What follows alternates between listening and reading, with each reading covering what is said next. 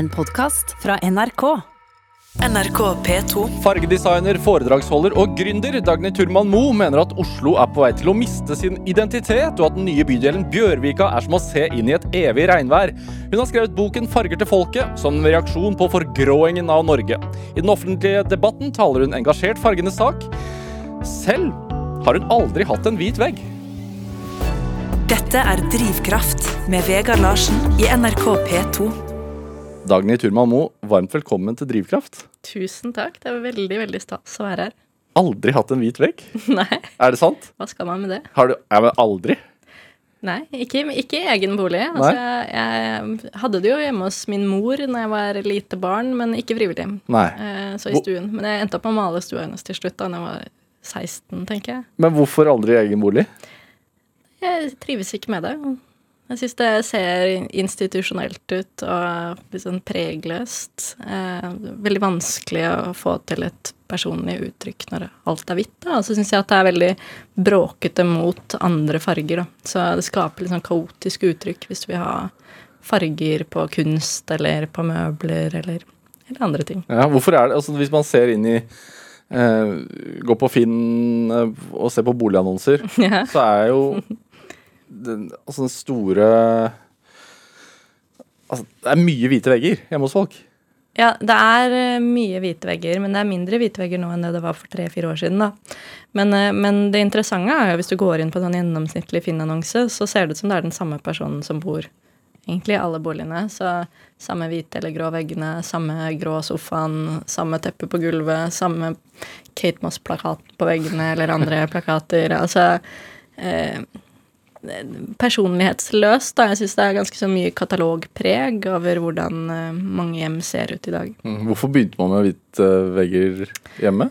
Eh, er, jeg tror det er mange årsaker til det. Eh, så hvite vegger sånn som vi har brukt det de siste 20 årene, har vi aldri gjort før i Norge. Um, men eh, jeg vil vel si at det ene har vært kanskje en motreaksjon på de bonderomantiske fargene eh, som vi hadde på 90-tallet. Eh, og i tillegg til det så har du jo globaliseringen, som jeg kanskje tror er det viktigste. Fordi det har i den samme perioden vokst frem en slags global estetikk. Eh, hvor man bruker de samme fargene og materialene både på interiører og fa- på fasader og på biler og på klærne våre overalt på kloden omtrent. Ja. Eh, og det gjør jo at ting blir liksom pregløst, da. At man mister stedsidentitet, man mister personlighet. Og det har jo vært et veldig øh, Kan du si et kompliment som henger høyt, er jo hvis noe har et internasjonalt preg. som jeg syns er litt pussig. Hva, hva betyr det, på en måte? Hvite vegger er internasjonalt preg? Ja, Det har vært det typiske nordisk-skandinaviske, da, som har vært den hotteste interiørretningen egentlig i verden. Eh, og har hatt stor innflytelse de siste særlig 10-15 årene. da. Ja. Eh, mens eh, på arkitektur så er det jo litt annerledes, litt andre eh, Litt annen dynamikk, om man kan kalle det det. Men det er to sider av samme sak, da. Eh, hvor, hvor dette globale fokuset på type ærlige materialer eh, og, og dette med at farger har vært kanskje noe litt dillete og useriøst, da, som man kan overlate til de med, med dårlig smak. Ja, for jeg, jeg pusset opp en, eh, en gammel bydel, altså en, en gammel bygårdsleilighet eh, på Grünerløkka en gang i tiden eh, her i Oslo. Og, og da fjernet jeg liksom tapeten på veggene eh, og fjernet gulvet. Og det, det som kom mot meg da, var jo masse lag med farger. Ja. Så det, historisk sett så har vi hatt farger i leilighetene og husene våre. Ja, ja. Vi har eh, som sagt aldri brukt så lite farger som det vi har gjort eh, fra ca. 2000, hvor caffè latten kom. Eh, og det hvite kom rundt 2005 med shabby chic, og så kom eh, Hva er grunnen til det at det liksom Vet du det?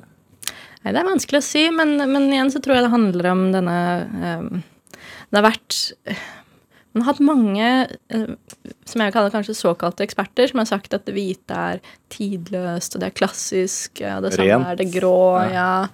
Ehm, og um, at man kan bytte ut puter og pledd og dill og dall i stedet, så man blir fortere lei av, lei av ikke lei seg, men, eh, man bør jo bli det hvis man uh, kjøper ting hele tiden. men, uh, men der har man rett og slett blitt litt sånn feilinformert, da. For det er ingen studier som viser at man blir mindre lei av hvite eller grå vegger enn det du blir av en farget vegg. Så tvert imot, egentlig, så vet vi jo eh, fra min erfaring i fargehandelsbransjen at de som maler veggene sine med grå, er de som maler om igjen fortest. Uh, og, så der ser vi at det er et spenn på tre til fem år, gjerne, fra man maler til man maler om igjen. Uh, mens uh, gjennomsnittsintervallet mellom en malt vegg er 18 år, da. Blant nordmenn. Så det er ganske dramatisk forskjell. Altså man lar fargen stå i 18 år? Ja. Gjennomsnittsnordmann gjør det. Hva med Dagny Turman Moe? jeg lar den stå så lenge jeg bor, bor der. ja. Så jeg er ikke tilhenger av å pusse opp ofte hjemme, eller at man skal male dem ofte. Det er ikke bærekraftig. Uh, og jeg mener jo at et godt hjem, det utvikler seg over tid. Uh, og at du ikke skal skifte veggfargen en gang i sesongen eller en gang i året når det kommer nye trendfarger, da. Um, her handler, Jeg syns det er mye viktigere å finne ut av hva man kan trives med selv og leve med i mange år. Så kan du heller investere etter hvert i, i, ting eller objekter som vil gjøre det hjemmet eh, bedre og bedre, da. Men, men, du har, eh, hvis jeg har forstått riktig, akkurat pussa opp et nytt sted å bo? Eller? Jeg er ikke ferdig ennå. Jeg flytter inn i ny leilighet neste uke som fortsatt ikke har kjøkken. Så Men jeg holder på. Men er, har du farge på veggene? Ja, ja. Hvordan, men hvordan har du gått frem for å bestemme deg for hvilke farger du skal ha? Eh, det handler jo om følelser og stemning og også arkitektur, da. Jeg blir alltid veldig på, preget av, eller påvirket av arkitekturen der vi flytter inn. Nå høres det ut som jeg flytter hele tiden. Um, jeg har vel flyttet kanskje fem ganger da, siden de siste 20 årene. Um, men um, jeg flytter nå inn da i en 50-tallsleilighet, og da har det vært viktig for meg å på en måte referere til den epoken.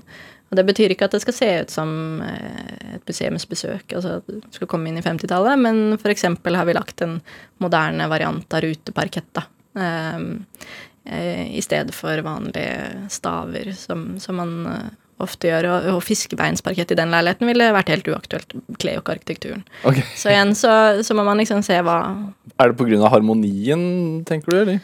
Nei, det har med formspråket eh, til arkitekturen og detaljeringen eh, og materialene som er brukt når, når eh, dette leilighetsbygget ble bygget, f.eks. Eh, takhøyde.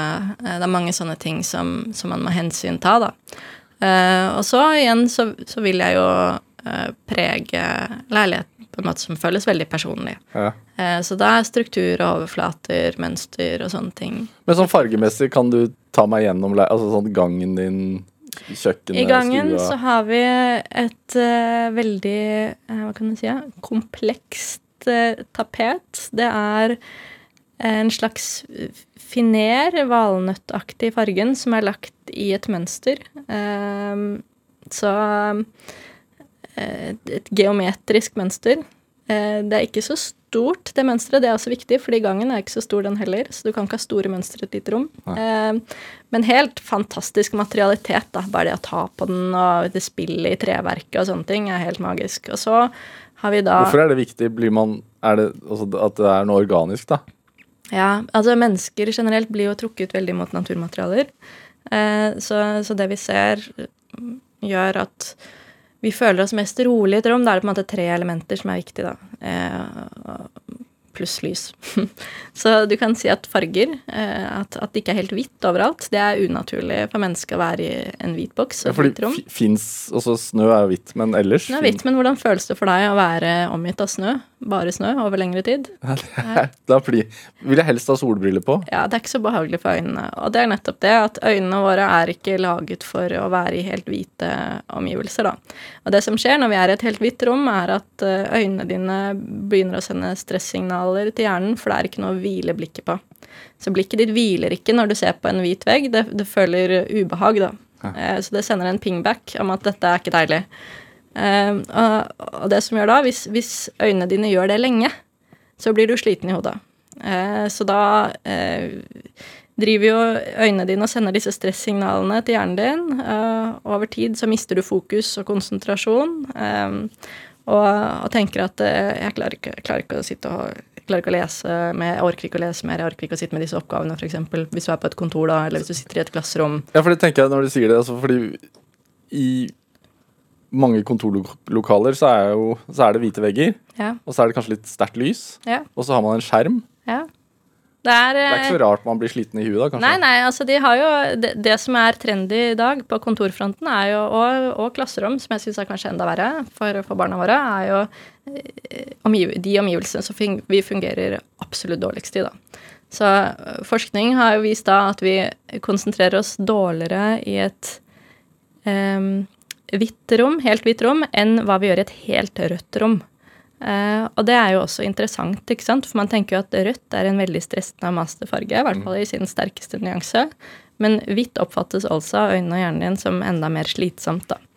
Så det er det med å, å ha noe form for pigmentering på veggene. Og jeg er ikke så glad i knallfarge på veggene personlig, men det at uh, Hva er knallfarge? Nei, det er liksom primærnyansen er helt klar rødt, helt klart blått, helt klart, glu, Ja. helt klart gult. Jeg syns egentlig ikke det er veggfarger. Um, men det kan være veldig kult på detaljer. Så en Yves Klein-blå dør, er- kan jo være helt magisk. Eh, Men det å ha et nyansespill og fargespill inn i rommet, det gjør at vi oppfatter det som roligere å være der, og øyet ditt har mer å hvile blikket på. Eh, Og så er det jo grønne planter, som også er viktig. Vi er jo, hører jo til ute i naturen. Det eh, gjør deg både friskere over tid. altså I kontorlokaler så ser vi at det senker sykefravær, og det gjør deg roligere, og så føler du deg også tryggere. Eh, så man ser ofte at hvis det er i en leilighet med mye planter, så vil folk gjerne ofte sitte med eh, planter mot ryggen, f.eks., for, eksempel, for da beskytter Det er noe sånn helt primalt, da. Men, eh, eh, og så har du naturmaterialer. Så det er det siste. Sånn treverk, eh, stein, litt ru stein og sånne ting. Når, når mennesker tar på det, så synker pulsen vår, da.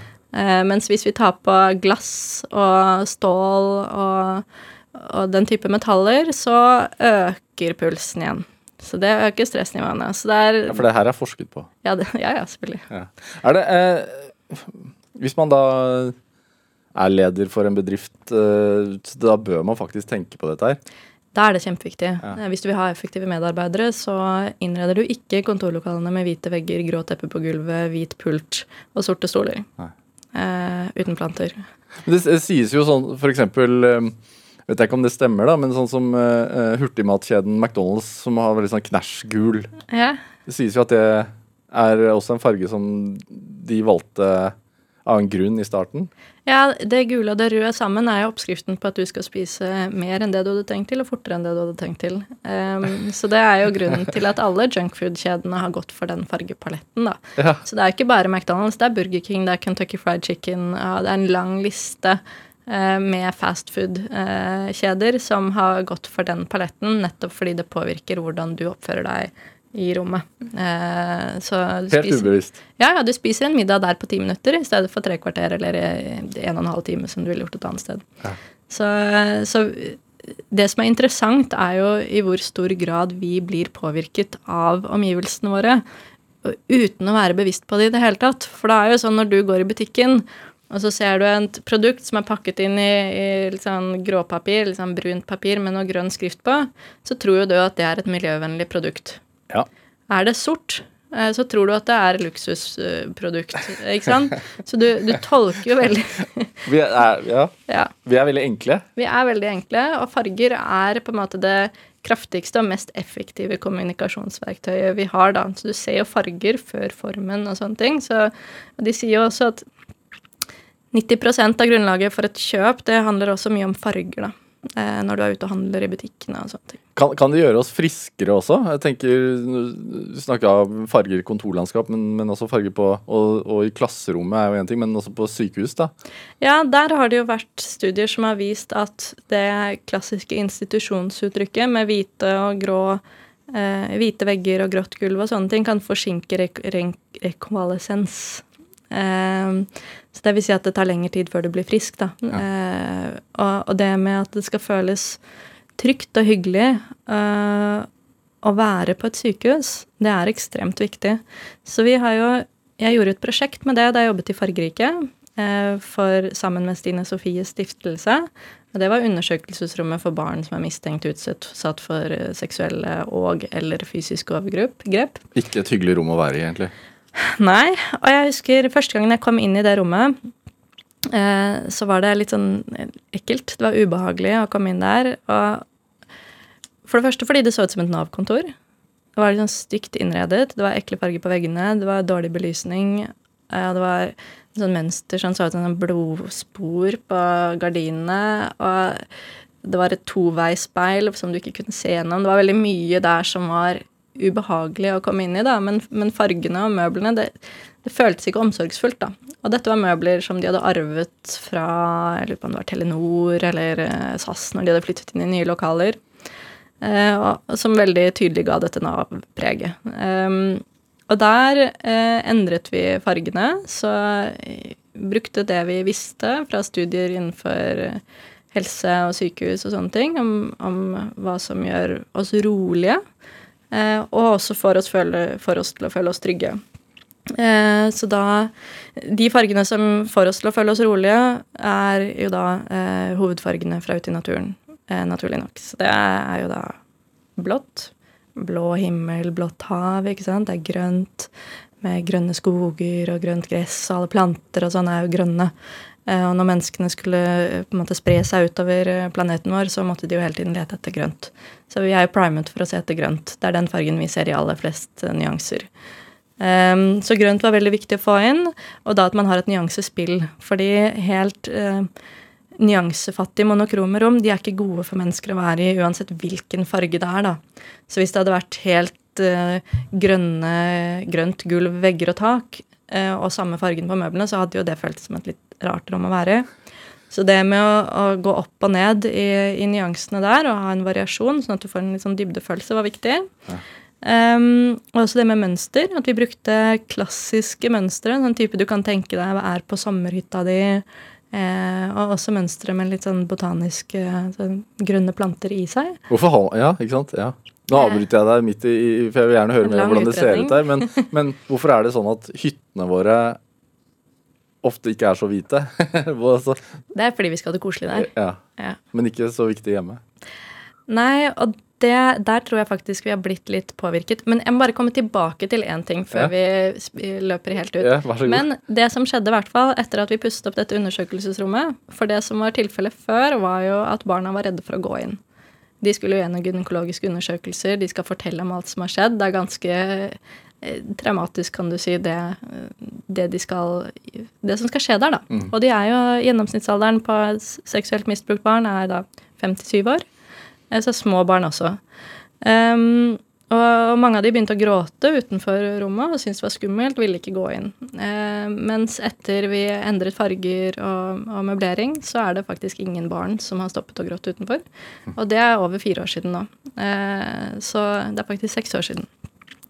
Og de ansatte sier også at samtalene med de foresatte, eller uh, omsorgspersonen som følger de, er mye enklere etter at de har endret uh, rommet. Ja, så, så det påvirker oss mye sterkere enn man tror? Ja, ja. Og jeg trodde jo etter at vi gjorde dette prosjektet, at det skulle få en påvirkning og en effekt på hvordan vi bygget sykehusene våre. Og, og uh, pleiehjem, altså sykehjem, gamlehjem, uh, rehabiliteringssentre. Men det har jo nesten ikke skjedd noen ting. Nei. Hvorfor det, tror du? Nei, jeg tror bare ikke fokuset er der. Eh, det handler om effektivitet, og det handler om eh, kunnskap og kompetanse.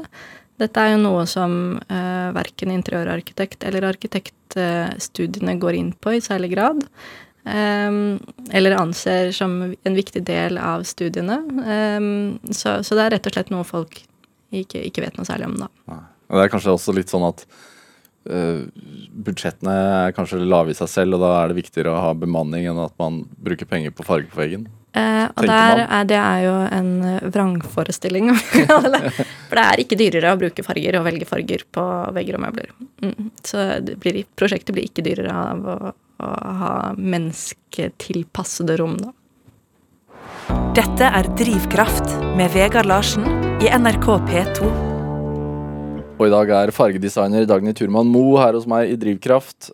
Eh, altså, du er nummer én, eller var i hvert fall nummer én, på det britiske magasinet Living etc. sin liste over de 30 mest inspirerende menneskene i bransjen i dag. Altså, og der var du nominert som fargeaktivist. Ja. Ja, føler du at du er det? En fargeaktivist? Ja, ja jeg, jeg gjør vel kanskje det. Ja. Eh, for det er jo et sånt slags opplysningsprosjekt jeg har, da. Eh, og jeg er jo veldig opptatt av å snakke om funksjonen og effekten eh, av farger til alle som gidder å høre på. Så Er det, hva, hva er egentlig en farge? Farge er lysbølger. Ja. Eh, så det er eh, refleksjon av lys. Ja. Eh, og forskjellige farger har forskjellige lengder på lysbølgene sine. Og uten lys, ingen mennesker. Eh, så vi trenger jo da rett og slett både lys og farger for, for å overleve, da. Du, du fortalte meg før vi gikk inn her at du er litt sånn lyssensitiv. Ja. Er det en god ting når du driver med det du gjør? Ja, jeg, jeg vet ikke. Jeg er i hvert fall veldig bevisst på hvordan lyset påvirker omgivelsene. eh, Og blir veldig bevisst på når lyssettingen er feil.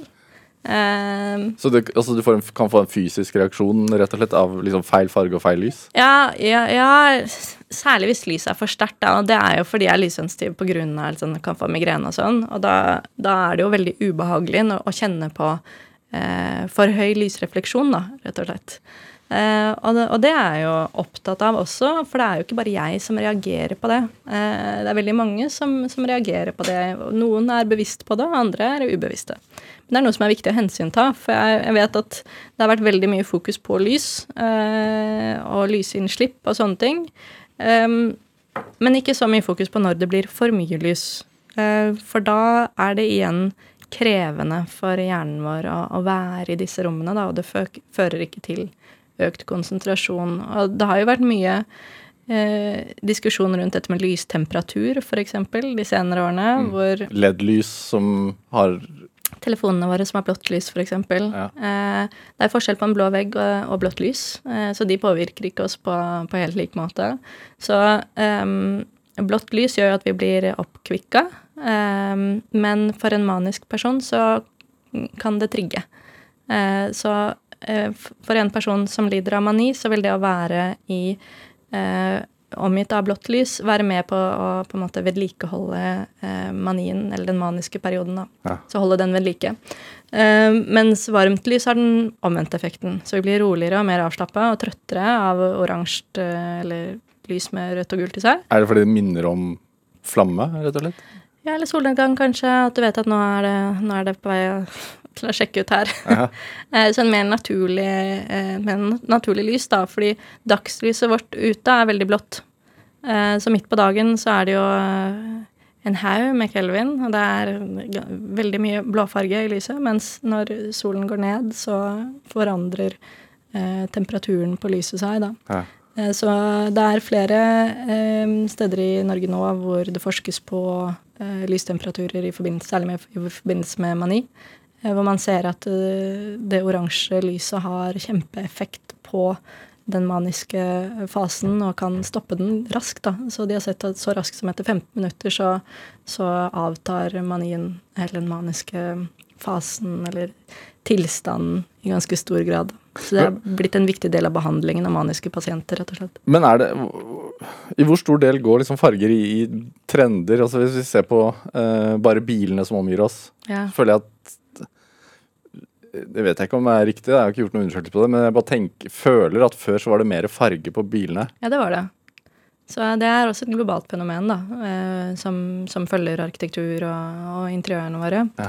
Så over 80% av de bilene som selges i Norge i dag, er sorte, grå eller sølvfargede.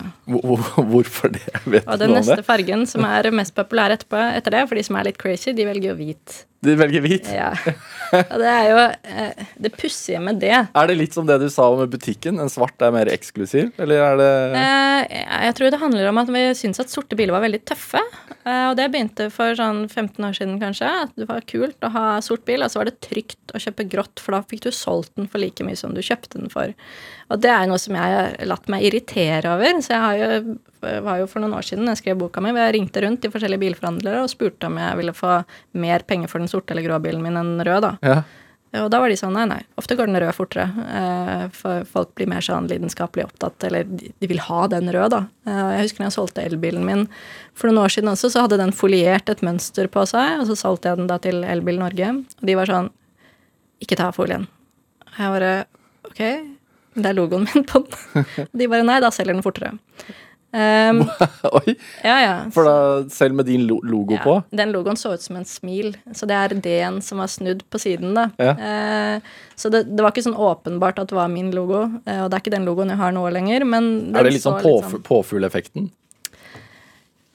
Nei, jeg vil ikke kalle det påfugleffekten, for det er negativt ladet, men det som er, er at vi blir glad Det er jo ikke av det i påfugl... Altså, det er jo altså Peacocking. Ja, altså Det er jo menn som pynter seg med mye dill og dall og har ja, jo, men ikke, ikke mer, Nå tenkte jeg mer sånn fra dyrenes rike, ja, at, at det faktisk har noe Det er om å gjøre å skille seg mest mulig ut med farger, for da får man ofte oppmerksomheten. Og, og sånn sett kanskje også at man velger bil som har Ja, det, det som Jeg er litt opptatt av trygghet, da, i bil. Eh, og den, den minst trygge bilfargen er den grå. Som flest har. Ja, Som man oppfatter som tryggest med gjensalgsverdi, da. Og grunnen til det er rett og slett fordi den går mest i ett med asfalten. Eh, så den er vanskeligst å se, av lavest synlighet. Um, hvis vi skal se lenger ned på kontinentet, der hvor det ikke er snø og grått om vinteren, så er hvitt den fargen som har mest høyest synlighet. Eh, For det er er en farge som ikke fins ute i naturen. Så snø er egentlig heller ikke hvit, eh, hvis man skal begynne å analysere. Um, mens her i Norge har jo hvite biler også ekstremt lav synlighet i vinterhalvåret. Eh, sort har også faktisk lav synlighet, eh, men dette gjelder jo da primært på dagtid. Om kvelden så betyr det ikke noe. Eh, mens eh, de fargene som syns best, og som er tryggest eh, i trafikken, er rødt og gult. Eh, så derfor er jo f.eks. ambulansene våre røde, og derfor var bussene våre Ambulansene er gule nå, da. Ja, Eller gule. gulgrønne, eller hva? Ja, gulgrønne. Det er veldig høy synlighet på de fargene. Ja. Så de ser vi lett, da. Og jeg har jo rød bil selv, og det er veldig behagelig, for da tror jo bilistene rundt De ser meg godt, og de tror at jeg vil kjøre aggressivt. så da flytter de seg når jeg kommer. Og det er jo også en, sånn sett en behagelig farge å ha da, når du er ute, ute i trafikken. Men har du valgt bil i, Altså, har du tenkt gjennom det når du valgte bil? ja, selvfølgelig har jeg tenkt på det. Ja. Ja, ja. Jeg hadde jo blå bil, og det var ikke noe gøy. Eh, For da, da, blir du, da tror folk at du er litt sånn forsiktig og sart, og da blir du jo bare overkjørt hele tiden. Så det er ikke overkjørt bokstavelig talt, men folk legger seg foran deg, og du slipper ikke inn i rundkjøring. Altså, Og dette er fakta? Rolig, ja. Ja, det, dette er mine personlige opplevelser, så jeg kan ikke si at dette er ligger en studie bak det. Um, men jeg vet jo at uh, Rødt har høyere synlighet i trafikken, og at vi tror at uh, bilførere som har rød bil, kjører mer aggressivt. Eh, og vi ser de fortere også. Vi ser den røde bilen mye raskere enn vi ser den blå, f.eks., eller den sorte eller den grå, eller den Derfor Ferrari alltid er rød. Ferrari rød er fint. Um, men jeg ønsker meg jo virkelig tilbake til eh, Eller kanskje ikke til Jo, jo, jeg gjør det. Jeg elsker biler fra 60-70-tallet. Um, Hvorfor det? det var jo da bilene var vakre, på en måte, syns jeg, da. Eh, nå ser de som litt sånn kasser, sardinbokser. Alle merkene ser helt like ut. Tenker bare en, en 911 fra 67, liksom. Jeg vet ikke. Den er litt mer eh, raff enn de fleste andre biler som selges i dag. Og det kan også si om alle de andre vanligere merkene. Og eh, nå har jo jeg jobba med, med Porsche, så jeg kjenner jo fargene deres særlig godt. Men det gjorde jeg før jeg jobbet med det òg. Jobbet med Jeg har innredet kontorlokalene deres, Ja. eh, så fargesatt, og da tok vi utgangspunkt i deres historiske fargearkiver, da. Og det er jo bare Ski, altså, så fine farger. Og jeg tenker bare Tenk så mye morsommere det hadde vært å sitte og stampet i rushtrafikken hvis du hadde hatt den ene deilige fargen etter den andre som bare passerte. Litt runde former på bilen, at ikke alle ser ut som de skal være aerodynamiske. Men, men hva går tapt, da? Hva mister vi i dette havet av grå biler og, og hvite stuevegger? Det blir jo litt sånn likegyldig, likegyldighet, da. Jeg tror vi blir litt tristere òg, altså, for hvordan føler du deg når det har regna i to uker, og alt er grått ute? Ja, ikke sant? Det er jo ikke deilig. Veldig fint å ha deg her i studio i dag. Det snakket vi så vidt om før vi gikk inn her. Altså, det jo, vi kommer jo fra starten på oktober nå, som har vært helt sånn magisk. Ja, herregud. Kanskje det fineste altså, Det er da, og, og når blomstene begynner å blomstre på, på våren eh, og forsommeren altså, Men nå når fargene på trærne har vært litt sånn alt. Ja, altså, man blir jo så euforisk av disse ukene på høsten hvor løv endrer farge, og du har rødt og gult og oransje og noe grønt, og så, om noen dager, ja, kanskje maks to uker, så vil det jo skje en, komme en natt hvor alle bladene slipper fra trærne, og så har du de nakne greinene og stammene som står igjen, og det er mørkt ute, og alt er grått og litt trist. Og hva gjør det med oss, tror du? Nei, det, det gjør jo det, da. Det er jo ikke uten grunn at vi har eh, vinterdepresjon eh, i dette landet. Nei. Um, og det er jo mange som syns det er tungt å komme seg gjennom vinteren. Og det handler jo om eh, i stor grad mangelen på lys, og igjen mangelen på farge. Og utendørs så har vi historisk sett kompensert for det ved å male bygningene våre eh, i rødt og gult. Og det er de fargene som har de lengste lysbølgene, eh, og som da gir energi. Og gir en slags boost, da. Ja. Så Um, og det ser du godt hvis du ser en gammel låve, f.eks. En gammel rød låve. Du har disse Stavernsgule bygningene. Hvis du går og ser på gamle bygårder på Frogner, så hadde jo de alle mulige deilige farger. Og det gikk jo fra rosa ned til dype rødbrune nyanser, og fra lys blek, blek gul og ned til eh, det gulbrune brune. Så vi har jobbet ut denne gule og røde fargeskalaen i veldig stor grad, da. Eh, og det er jo Det vi har gjort, er jo egentlig å bruke de fargene på fasadene som vi mister fra omgivelsene våre og naturen vår om vinteren. Så har vi slutta med det. Ja, Og så går man inn i, i hvite rom. Ja, så går du inn i gjerne grå rom. Ja. eh, så hvite eller grå rom. Ja. fra det grå utvendige med det blå lyset, da. Kan, altså Dagny Surmamo, du er fargedesigner, men kan musikk også sette farge på tilværelsen? Ja, det mener jeg, da. Ja. Du, du har med litt musikk her. Du har med en, en uh, uh, Gilberto-låt. Uh, 'Soria Paramim'. Mm. Hvorfor det? Den er deilig å høre på. Det er bare Altså, jeg er veldig glad i bossa nova og hører på det. Det er mange som tenker at det kan du bare ha på en sommerfest om sommeren. Jeg hører på det hele året. Um, og det har jo noe med stemning og atmosfære Man, du, kan ikke ha en dårlig dag når du hører på bossa nova. Da. Man må liksom kose seg og nyte livet og bare kjenne på alt som er deilig og bra. Ja, og ganske fint på en litt sånn regnvåt, grå oktoberdag som det er nå. Ikke sant?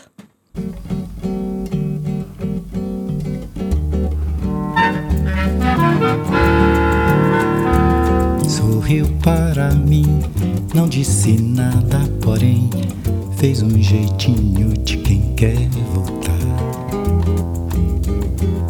Dançava com alguém e me roubou seu amor.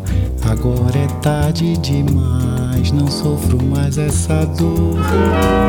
Sorriu para mim, não disse nada, porém fez um jeitinho de quem quer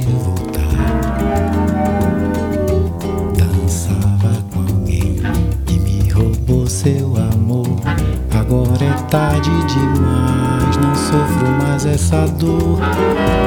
É tarde, é tarde.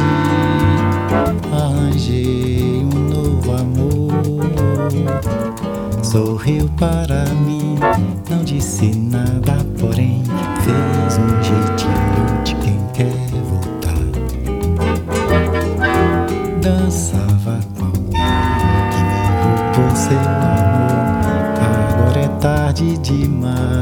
sofro mais essa dor. Sorriu para mim, não disse nada, porém fez um jeitinho de quem quer voltar. Dançava com me roubou seu amor. Agora é tarde demais, não sofro mais essa dor.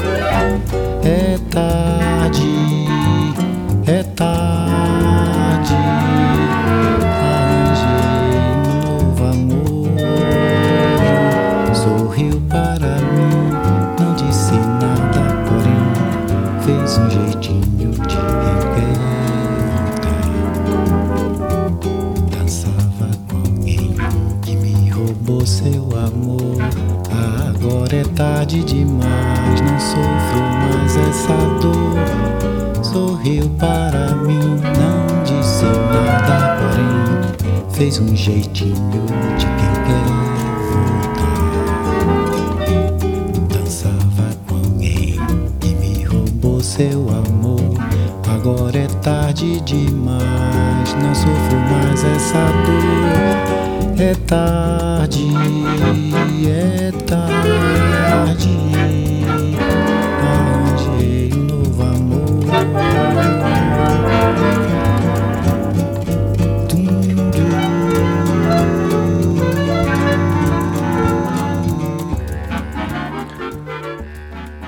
Du fikk uh, Soria Paramim av uh, Hao Gilberto. Det, uh, valgt av dagens gjest her i Drivkraft på NRK P2. Det var ikke riktig uttalelse, det, Dagny. Wow! Nei, jeg vet ikke. Nå har vi hatt heftig diskusjon her om hva som er riktig uttale, så Ja. vi får håpe at en av oss hadde rett. I hvert fall deg her i dag, Drivkraft, eh, Dagny Turman Moe, som er fargedesigner. Uh, har skrevet bøker om farger og har en, har en lidenskap for farger, for å si det forsiktig. Eh, ja. Når, når, eh, når oppdaga du den lidenskapen? Altså stammer det og sånn Ja. Jeg kan jo si når sluttet din? Eh, fordi ja. Ja, du har jo små barn, og alle barn er opptatt av farger. Eh, og det er noe veldig sånn menneskelig med å være opptatt av farger, og vi har jo en sånn iboende forståelse for hvordan fargene påvirker oss. Eh, så kan jeg si at um, Ja, Før vi har språk, egentlig. ja, Ja. Ja, ja, det følger med oss egentlig helt frem til sånn 10-11-årsalderen, kanskje 12, hvor vi begynner å bli mer opptatt av trender og bli påvirket av impulser utenfra og sånne ting. Eh, og i mange år så har jo de impulsene vært eh, i gråskalaen.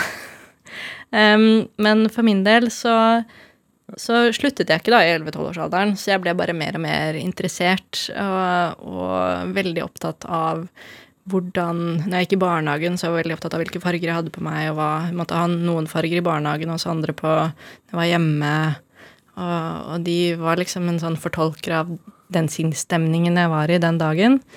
Eh, Og så når jeg begynte på barneskolen, så var det jo dette med at jeg fikk fargesette rommet mitt selv. Hvor, hvilken farge ble det? Blå vegger. eh, Og så hadde jeg noe sånn Det var, på 80-tallet.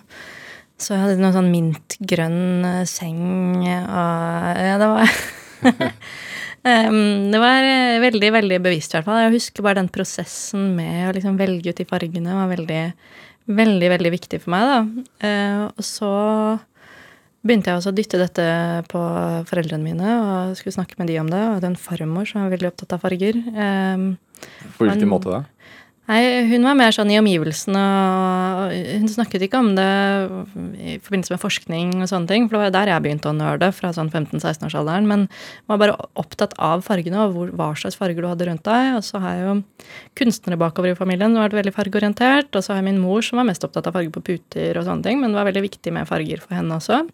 Så vi er nok en familie eh, som, som har holdt mye på med det. Og oldemoren min, som het det samme som meg, hun var også veldig fargeorientert. Um, men um, Så jeg hadde nok noe bakgrunn som på en måte løftet det fokuset. Men, men fra å være opptatt av liksom hvilke farger man skal ha på rommet, og hvilke klær man skal ha på seg, så Altså, når tok I 15-16-årsalderen så fant jeg ut at det, går jo an å lese eh, mer om dette. Ja. Så da var det litt sånn inn på biblioteker, prøve å finne forskning, eh, lese alt jeg fant om farger. Eh, så, så Men jeg skjønte jo egentlig ikke at det kunne bli en jobb.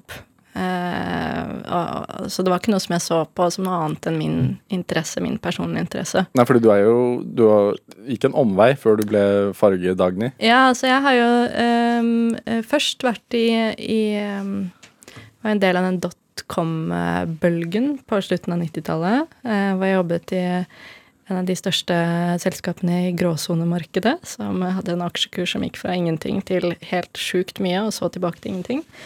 Um, og så etter det begynte jeg å studere Eller skulle jeg begynne å studere. Og da var jeg veldig sånn Skal jeg begynne på noe design, eller jeg Klarte liksom ikke helt å lande, for jeg har alltid vekslet mellom Eller vekslet veldig lenge mellom mote og interiør. Jeg klarte ikke helt å finne ut av hvilket ben det er. Og så fant jeg ut at jeg ville studere kunsthistorie. Eh, og så var min mor sånn eh, Dagny, det er bare hjelpeløse damer som vil ha seg en rik mann, som eh, går på kunsthistorie, så nei, Det er nei, ganske, hardt. Ja, ja. Men altså, vi, vi kjører rake pucker hjemme, så det så, så det var Så da var jeg sånn Ok, greit, da utgår den. Og så var jeg sånn hm, Kanskje psykologi, eller interessert i mennesker, og hvordan mennesker blir påvirket av ting. Og så var det Gikk det over til eh, pedagogikk eh, informatikk og sosiologi, da, eh, som jeg egentlig begynte på for å Som er en vei jeg føler veldig mange tar hvis man skal begynne å studere eller ta høyere utdannelse, og så vet man ikke helt. Er det, er det lov å si? Ja, ja, men det var jo det som skjedde med meg. Så jeg skulle tekkes min mor, egentlig, først og fremst, og gjøre henne fornøyd og, og. Eh, Hun ville jo helst at jeg skulle bli regnskapsfører eller revisor fordi jeg var god med tall. Men det ville jeg jo ikke. Så jeg tenkte det her var en sånn gyllen middelvei, da. Eh, Men det, det var det jo eh, egentlig ikke. Så eh, Men jeg er jo Hva var det som skjedde som gjorde at du hoppet av dette her og, og tenkte at du skulle våge å prøve å skape liksom din egen vei, da? Med farger. Det er jo litt sånn Ja. Det er en atypisk vei å gå. Ja, og det tok noen år. Så jeg begynte jo på disse studiene, fikk meg jobb. ehm, og hadde en karriere innenfor IT-bransjen med rekruttering um, og sånne ting. Og så uh, gikk jeg inn i mammaperm. Det er jo Guds gave til uh, å finne seg selv, må jeg si. så da har man jo masse tid. Uh, Har man egentlig det? Ja, ja, jeg syns det. Det er min opplevelse av det. Så det er nok provoserende å høre for mange. ja, ja, for meg så var det i hvert fall det at ehm, Ja, jeg hadde mye tid på, til å tenke og finne ut av ting. Og når jeg var gravid, så begynte jeg også, som veldig mange andre på den tiden, å blogge. Altså blogget om skandinavisk stil fra et maksimalistisk perspektiv. Og da kom jo selvfølgelig fargene inn som en veldig viktig del av det. For dette var i 2007-2008. Jeg var veldig irritert over at den skandinaviske bølgen var på vei inn, og at den tolket eh, historien vår helt feil. Hvordan da? Nei, altså, Norge har aldri vært et hvitt og grått land. Eh, så det er en dansk-ish tolkning av det skandinaviske, og har lite med norsk farge og kultur og interiørhistorie å gjøre, da. Hva har vært liksom, de norske fargene, da? De har jo vært alt mulig, egentlig. Eh, Så alt du har kunnet male på veggene, hvis du ser fargekart fra Altså, det var vel 40-tallet plastmalingen kom. Eh, Og på en måte ble en slags sånn demokratisering av, av farger. Og der har du disse kartene. Før det så ble de jo gjerne blandet på stedet og sånne ting med kalkmaling. Men, eh, men eh, her var det jo viktig for meg å snakke om og vise frem de andre sidene av hva som var skandinavisk. da. For jeg følte at den skandinaviske stilen var altfor smal i, i, i det den uttrykte og det den tolket, og jeg ville ikke være med på at det skulle være det skandinaviske alene. Så den bloggen ble etter hvert veldig stor og hadde lesere fra 100 forskjellige land. Eh, og så ble jeg da headhuntet eh, inn i stilling som kreativ leder for Fargerike. Eh, Så det var på en måte der min sånn fargereise begynte, da, og det var i 2000 og slutten av 2010. Og så rett og slett altså, du, var, du var jo så interessert i noe, og så er det en nisje som omgir oss alle, men som ingen bry, tenker at man bryr seg om, rett og slett? da Ja. Som du så? ja, jeg ble litt sånn provosert av at jeg ble tilsidesatt, og at man ikke snakket om det, og at det, vi bare gikk helt og fullt inn i å liksom bli en del av den der skandinaviske bølgen som ikke jeg syns føltes norsk, eller finsk, eller svensk. Eh, så ja, jeg, jeg ville på en måte snakke om det, da. Ja. Og så og så begynte du å jobbe i Fargerike, som jo er en stor bedrift. Eh, Er det vanskelig å liksom, Må man være litt tøff for å starte for seg selv? For du startet jo etter hvert eh, Dagen i fargestudio, som etter hvert ble Koi fargestudio. Altså, Ja, altså, jeg ble jo um, ble litt sånn skviset ut av den jobben i Fargerike. Uh, så der jobbet jeg med å lage farger og fargekart og sånne ting. Og hadde jo egentlig levert over det som var forventet i forhold til det jeg ble målt på. Så det var veldig sånn sjokk for meg å plutselig eh, være i en mista situasjon. jobben, rett og slett? Ja, jeg gjorde egentlig det. Eh, så det ble til at jeg fikk en sluttpakke. Eh, og jeg har aldri sett på meg selv som noen sånn gründertype. Så jeg har aldri vært noe interessert i å starte min egen bedrift. Og har egentlig likt å være ansatt og ha en sjef som kan mase på deg om ting og sånne ting. Men når jeg var i den situasjonen da, hvor jeg skjønte at her kommer jeg til å måtte begynne å forhandle om en sluttpakke, eh, hva, hva vil jeg egentlig videre da? Og det var snakk om noen dager, eh, og da var jeg sånn Ok, jeg tror faktisk ikke jeg kan bli ansatt eh, av noen, fordi det er ingen som kan tilby meg de arbeidsoppgavene som jeg vil ha. Så jeg visste at jeg ville jobbe med fargesetting av arkitektur og fasader. Jeg ville jobbe med interiør. Jeg ville jobbe med institusjoner. Jeg ville skrive bok. Jeg ville lage ting. Altså, jeg ville Jeg ville um, lage Jobbe med alt jeg hadde lyst til, da. Uh, og da ble det sånn at da er jo det eneste alternativet da, å starte for seg selv. Eh, og så hadde jeg fått denne, fikk etter hvert denne sluttpakken, eh, som på en måte ble grunnlaget for KOI Fargestudio, da. Hva er det viktigste man trenger tenker du, for å starte sånn for seg sjøl? Altså, KOI Fargestudio har jo flere ansatte i dag. Og, Ja, nå er vi seks personer. Ja. Kommer til å bli flere. men hva, er, hva, er, hva bør man liksom tenke på å ha med seg i bagasjen hvis man skal Nei, det jeg syns er viktig, er å vite hvor man skal legge fokuset sitt og energien sin. Eh, Jeg kjenner jo mange som driver for seg selv og starter for seg selv, og jeg syns det er ganske vanlig å bruke sjukt mye tid på ting du ikke får noe som helst igjen for. Eh, Som graver seg ned i et eller annet som kanskje ikke er ditt kompetanseområde. Så det første jeg bestemte meg for, var at jeg må ha en regnskapsfører, f.eks.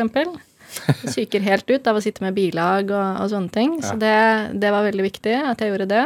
Um, og så måtte jeg ha noen som lagde eh, hjemmesider og alt det som jeg ikke er god på, da. Så er det jeg er god på, er jo eh, å ha eh, store ideer og, og visjoner og, og også god på farger, da. Eh, så det var veldig viktig for meg at jeg kunne legge fokuset mitt der. Ja.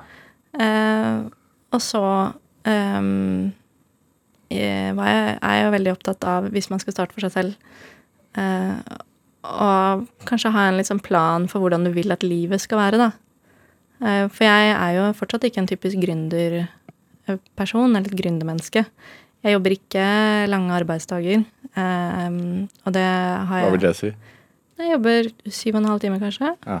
Eh, innimellom så kan det være litt mer hvis det er noe som brenner, men, eller at du har noe som haster. Men, men jeg prøver hele tiden å legge opp arbeidsdagen og arbeidsflyten hos oss eh, til at man skal unngå eh, mye sene kvelder og sånne ting.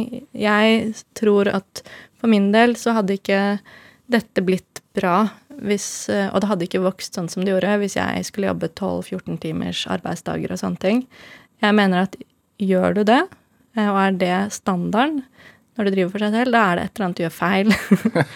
Eh, Hvorfor det? For da blir man Da blir du jo sliten. Ja. Jeg tenker at det, er så viktig å ha fritidsinteresser og et liv og ha venner og familie, se barna Altså det å kunne delegere bort oppgaver eh, og, og ta på seg det som genererer inntekt, f.eks., samtidig som man gjør ting. Altså, Hvor mye henger det sammen med det at du faktisk er veldig opptatt av at farger påvirker syke? Altså det virker jo som om det er liksom at du er ute etter et harmonisk eh, liv, da. En harmonisk Ja, ja. hverdag. Ja, jeg vil at livet skal være deilig.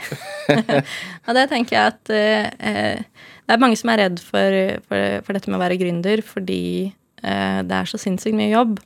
Og jeg er veldig opptatt av at det, det kan godt hende det er mye jobb, men du må på en måte eh, velge veldig nøye hva, hvor du skal legge fokuset ditt, og hva du vil legge mye tid i. Og så må man vite når en oppgave er utført godt nok, f.eks.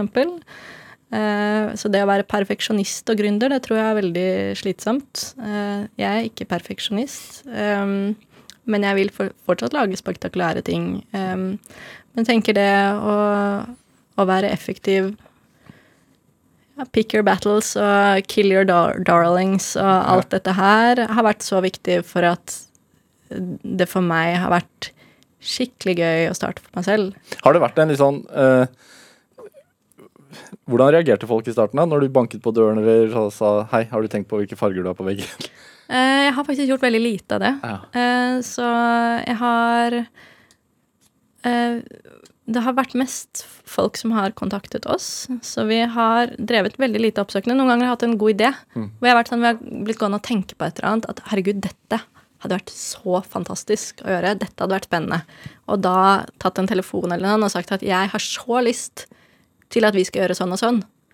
Og da er det jeg vet ikke hvor mange ganger det har skjedd, men jeg vet at jeg gjør det hvis jeg, hvis jeg føler på en eller annen sånn åh gud, dette har jeg lyst til.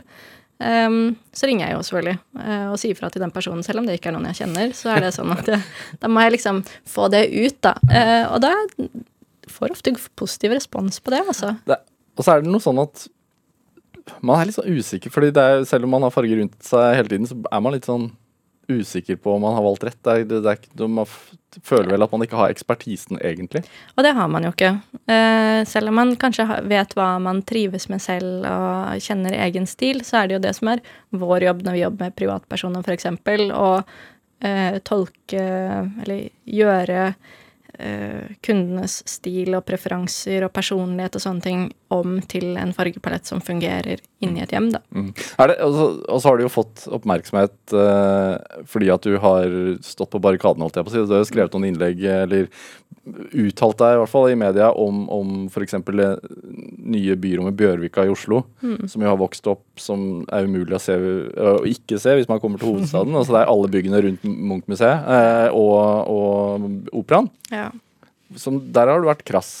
ja, der har jeg vært veldig oppgitt. Som å se inn i evig regnvær, eh, eller Ja, se inn i en grå mur. Altså, det er en utrolig uraffinert og døll farge- og materialpalett som man har valgt på hele det området, eh, som fungerer utrolig dårlig i norske lys- og værforhold, særlig gjennom vinterhalvåret. Så kan man godt si det er stappa fullt med folk der uh, om sommeren. Og ja, det er det, fordi det er strand og det er vann der. Det betyr ikke at fasadene fungerer eller er vellykkede. Eh, Det er utrolig god landskapsarkitektur, og det er jo mange ting Så det er beste solforholdene i hele Oslo, kan man si, nesten uten å I hvert fall i sentrum. Um, men, men det Når jeg kommer på sykkelen fra eh, Jan eller Nordstrand og inn mot Sørenga, og så kommer den derre nitriste grå Altså det ser ut som sånn sovjetblokker på avstand. Det er ikke noe grønt der i det hele tatt. Det er ikke noe variasjon i bygningsmassen. Den ser helt monoton ut. Og det er bare Jeg tenker Vi hadde carte blanche. Vi kunne gjøre hva som helst. Eh, og så er det dette vi endte opp med, da. Som ikke refererer til noen ting. Det refererer ikke til Oslo. Det refererer ikke til eh, Grønland. Det refererer ikke til Kvadraturen. Det er som en sånn grå, utlagt tarm eh, som ligger i sjøkanten. Og jeg tenker at vi kunne laget noe helt fantastisk som også hadde vært folk flest hadde oppfattet som koselig og idyllisk. Har du eksempel på en by som har gjort det? Nei, for det fins jo ikke. Det er ikke farger i samtidsarkitekturen. Hvorfor Men- ikke? For det er ikke moderne. Det er utrendy. Eh, og man har ikke vært opptatt av stedsidentitet. Man har vært opptatt av et globalt uttrykk, eh, og det har vært kult med grått. Eh, og det er jo en del av bygningene i Dronning Eufemias gate som ser ut som Apple-produkter, på en måte. Så må jeg si at det er, det er jo produkter av samtiden, og det hadde kanskje ikke vært så problematisk hvis det ikke var fordi at vi har bygd en hel bydel, på en måte, i én stil. Men man har jo også sånn Man har jo Fargegata i Stavanger, eksempel. Ja. Eller, man besøkte har, gata i hele byen. ja, eller Grünerløkka i Oslo, Ja. som også har farger på byggene sine. Mm. Grønland har farger på byggene sine, Kvadraturen har farger på byggene sine, Ja. Oslo sentrum har farger på byggene sine. Men jeg vet jo at du eh, snakker med arkitektstudenter om dette her. og hva, hva slags holdninger har arkitektstudentene til farger, tenker du?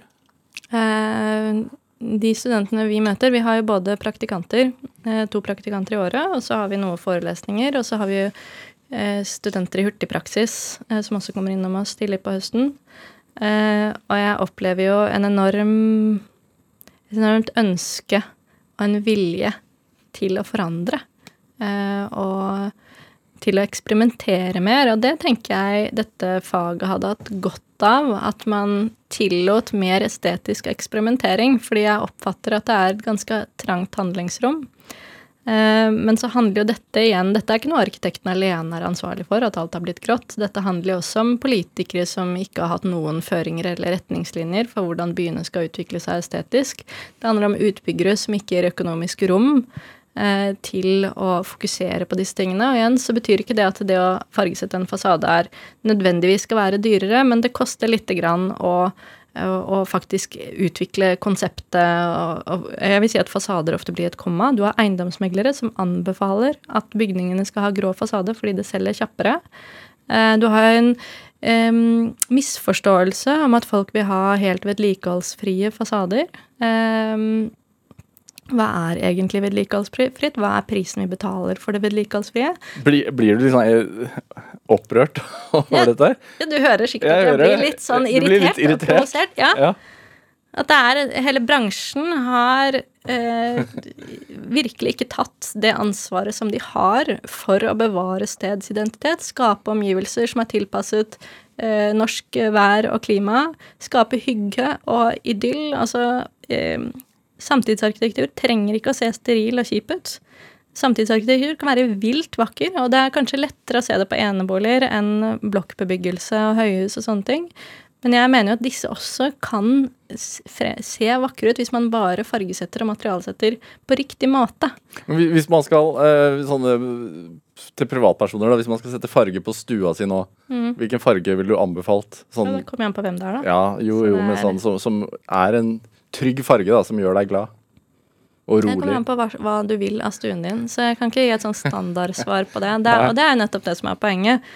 Men det, det man kan si, er at um, i en dus blå stue så vil du ha det lett for å konsentrere og fokusere og sånne ting. Um, I en varm stue vil det være koselig, tilrettelagt for sosialt samvær. Altså, jeg kan fortelle om hva, hva, de forskjellige fargene gjør med rommet, og så kommer det igjen an på liksom hva du vil ha, da. Så jeg kan si at det kan være 25 forskjellige farger som er helt, eller nyanser som er helt riktig å bruke i en stue. Så kommer det helt an på hvem du er, og hva du vil trives med over tid. ikke sant? For det er ikke sånn eh, same, same, shit, same wrapping som fungerer for alle, da. Hvilken farge har du på stua?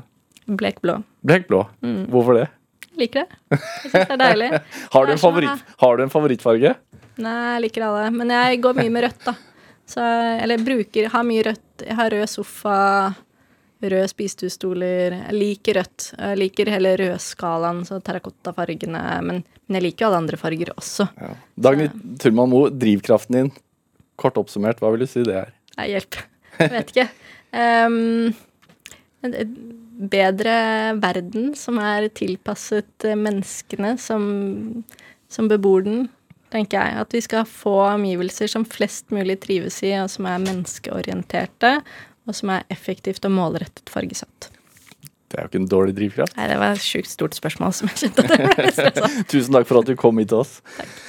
Hør flere samtaler i Drivkraft eh, på NRK på nett, eller last oss ned som podkast. Send oss også gjerne ris og ros og tips til mennesker du mener har drivkraft. Send e-post til drivkraft.krøllalfa.nrk.no. Vi hører veldig gjerne fra deg. Produsent i dag var Pål Arvid Jørgensen. Siv Wammer bidro også sterkt til denne sendingen. Jeg heter Vegard Larsen. Vi høres. Du har hørt en podkast fra NRK. Hør flere podkaster og din NRK-kanal i appen NRK Radio.